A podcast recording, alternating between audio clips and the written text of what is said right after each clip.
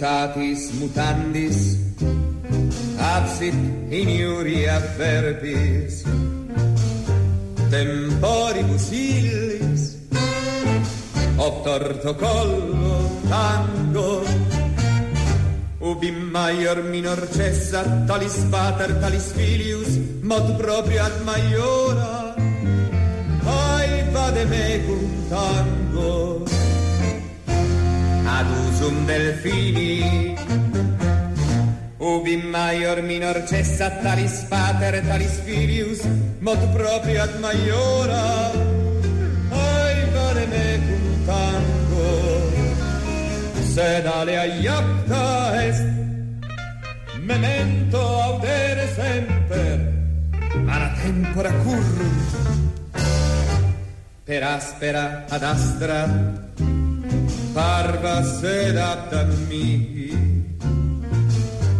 orribile viso sed ex abrupto tango. Ubi maior minor cessa talis pater talis filius mot proprio ad maiora. Segundo capítulo de arqueología subacuática y de términos que ah, mm, nos empiezan a sonar un poco, algunos de ellos desconocidos absolutamente, hasta que viene nuestra profesora Isidora Embrujo y nos enseña lo que son los pecios. No te creas que hace unos años se hablaba con esta eh, facilidad, con esta familiaridad de las cosas.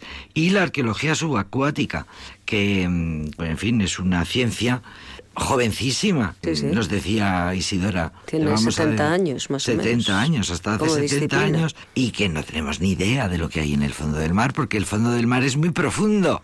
Sí. Y no te vayas a pensar que las investigaciones son todas privadas hasta que la UNESCO dijo, no, no, no, no, todo lo que hay en el fondo del mar es patrimonio de la humanidad, Efectivamente. así que lo vamos a proteger y los estados van a tener mm, eh, competencias modificar, claro, claro, y van a querer hacer leyes para que se proteja, de manera que si tú te encuentras un tesoro en el fondo del mar porque andabas por ahí paseando o porque vas a buscarlo expresamente, cuidadito, porque a lo mejor estás cometiendo un delito, mira, pareado. Hoy vamos a comentar algunas cosas mm, generales, digamos, y un ejemplo muy, muy pequeñito de, los muchos que se pueden citar y que se pueden encontrar, pues que lo tenemos mm, bastante fresco porque es de septiembre, un descubrimiento de septiembre en la costa levantina. Decíamos que la arqueología eh, subacuática es muy nueva, pero que había que concebirla en realidad como la arqueología digamos, común. Es decir, que cambia evidentemente el medio en que se desarrollan las excavaciones, donde está el yacimiento, porque es el fondo del mar, pero que el método arqueológico no cambia, ni cambia tampoco los motivos por los cuales se llevan a cabo el estudio, se lleva a cabo el estudio de esos, de esos pecios, de esos yacimientos. Porque en esas ánforas, en esas monedas, en esos restos que quedan hay muchísima información. Efectivamente. Y tampoco debe cambiar la forma en que se exponen los materiales, en que se publican los hallazgos y en que se conservan. Digamos que hay, pues como en todos los yacimientos, hay tres pasos, tres pasos en esta arqueología. Uno es descubrir el yacimiento. Puede ser de una forma ocasional, muchas veces es así. Claro, pasabas por ahí. Es efectivamente un buzo que pasa y que encuentra algo. Eh, la segunda es identificarlo. Identificarlo y empezar a trabajar con esos restos Hay, materiales. hay identificadores que deciden si es un... Claro. un- estamos ante una eh, un hallazgo arqueológico o, Sí, eh, o no, y no si- tiene valor. Exactamente. O si es simplemente un resto aislado, fuera de contexto, y ahí no hay nada más. Y el tercer paso, que esto es lo, digamos, la parte más novedosa, es eh, la conservación de, y la publicación de los trabajos arqueológicos. Y es la parte más, más novedosa porque es la que ha dado eh, lugar pues, a que se construyan museos, a que se desarrollen eh, una serie de instituciones que permiten eh, el mostrar, en, algunas veces in situ, conservar el yacimiento y otras veces pues en vitrinas, en, mediante exposiciones temporales o permanentes, los restos que se han, que se han localizado. La legislación protege los restos arqueológicos antes de que se hayan descubierto y esto es muy importante porque decíamos que es el cambio que tú comentabas antes de la legislación, de la defensa del patrimonio. Algo que no se ha excavado todavía está protegido ya. No se puede expoliar porque no se haya intervenido. Es que eso tiene que ser así, porque es que si no, eh, no, eh, lo primero es proteger. Claro. Eh, es decir, todo lo que te encuentres en el fondo del mar, lo primero ni lo toques. Efectivamente. Y si lo encuentras, llévalo a los cauces correspondientes y de, de, ahí se derivarán una serie de acciones. Porque a lo mejor no hay ni siquiera que tocarlo. Para claro, no, es mucho mejor no, tocarlo, exactamente, antes que destruirlo. Y la difusión de lo que dé de sí esa excavación, pues pasa por un museo, porque eso se catalogue, porque esas piezas se, se siglen, eh, se estudien y se terminen exponiendo en un museo. Y eso es lo que está sucediendo, afortunadamente, pues en los últimos años, con muchos descubrimientos que están teniendo lugar pues en las costas españolas. Lo mencionábamos el caso de Nuestra Señora de las Mercedes, en la que se había basado la serie La Fortuna, pero también hay que mencionar otros muchos no tan espectaculares, pero otros muchos eh, descubrimientos y eh, estudios que se están haciendo más modestos, sin tanta repercusión mediática, pero con mucha importancia histórica.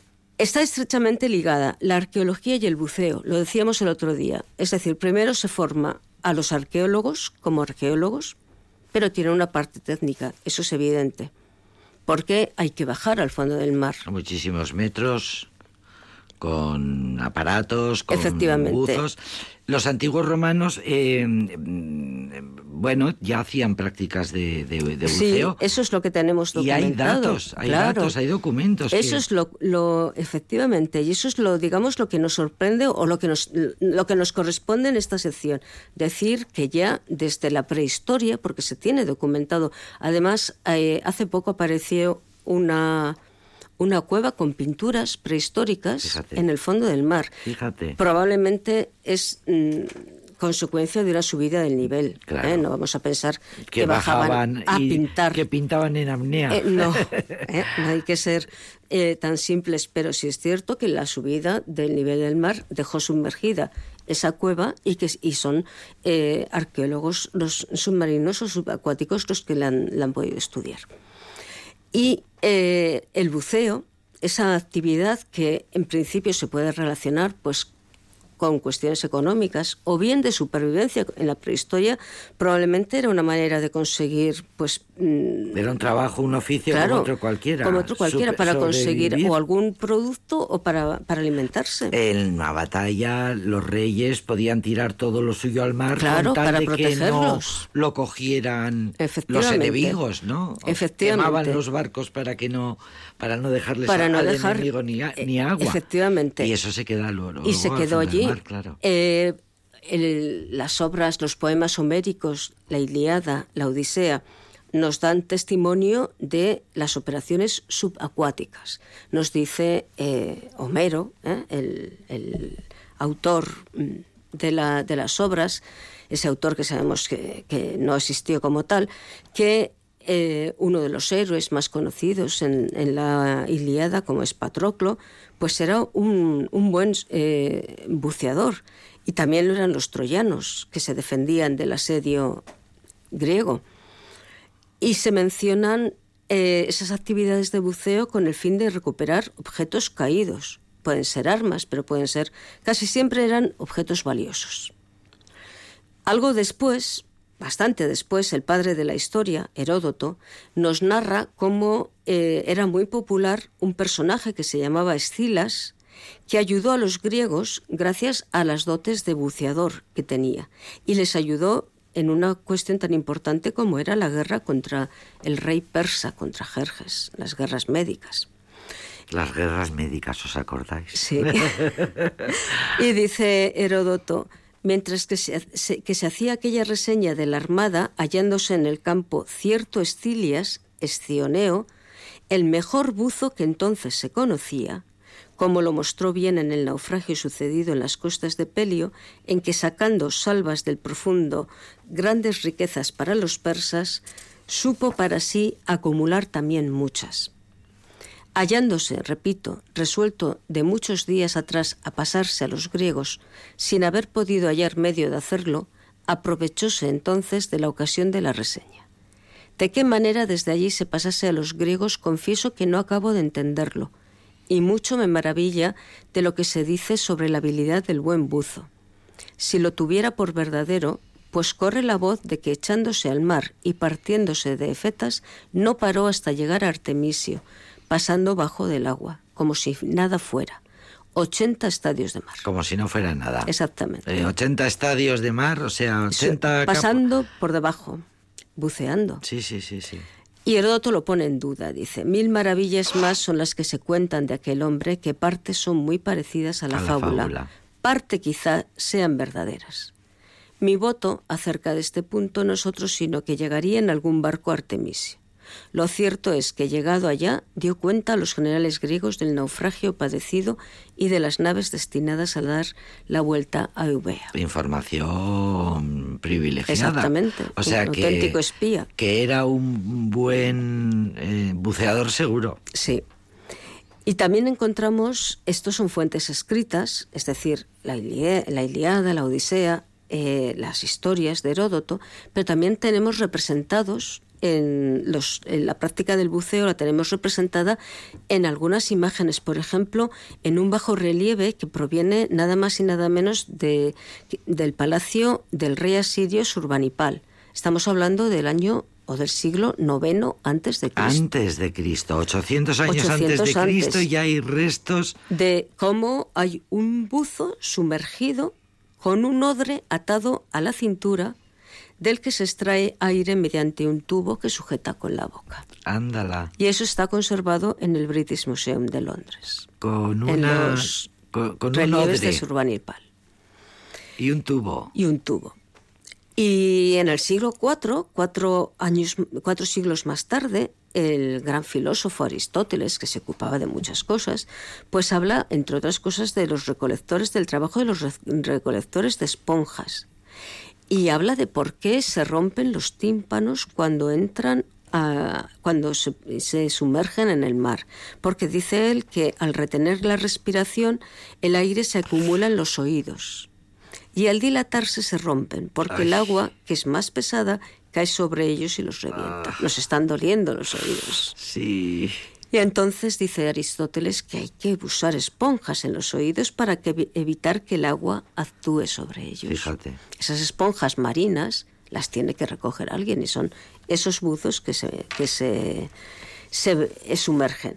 Y dice que llevan, también Aristóteles dice que llevan eh, unos grandes vasos invertidos de modo que es eh, eh, para poder tener oxígeno. Es la primera vez que eh, se mencionan las fuentes, lo hemos visto en los grabados, pero que se escribe que ella se lleva un elemento que oxígeno. contuviese oxígeno Fíjate. para mantener, alargar el tiempo de, de inmersión. 400, 300 años Antes, 300, Antes de sí, en el, el- el último tercio del siglo IV antes de Cristo. Y lo mismo sabemos por Tito Livio, por Plutarco, sabemos que los distintos ejércitos tenían eh, cuerpos de buceadores que eh, actuaban en algunos casos para sabotear eh, los barcos que estaban acosando, las, las tareas Claro. de, de refuerzo, por ejemplo, el- el- los espigones construidos por Alejandro Magno en Tiro, en la ciudad fenicia, fueron atacadas por estos nadadores, por estos buceadores. Y también dice Tito Livio que lo que tú comentabas antes, que el rey Perseo había arrojado al mar su tesoro para evitar que cayese en manos del enemigo, pensando en recuperarlo después con estos buceadores, que se sumergían y que cobraban en función de, De lo, que, que recuperaban, efectivamente, y de los metros Así que, por la cuenta que te tiene, ya estás sacando cosas porque Claro. si no, no cobras.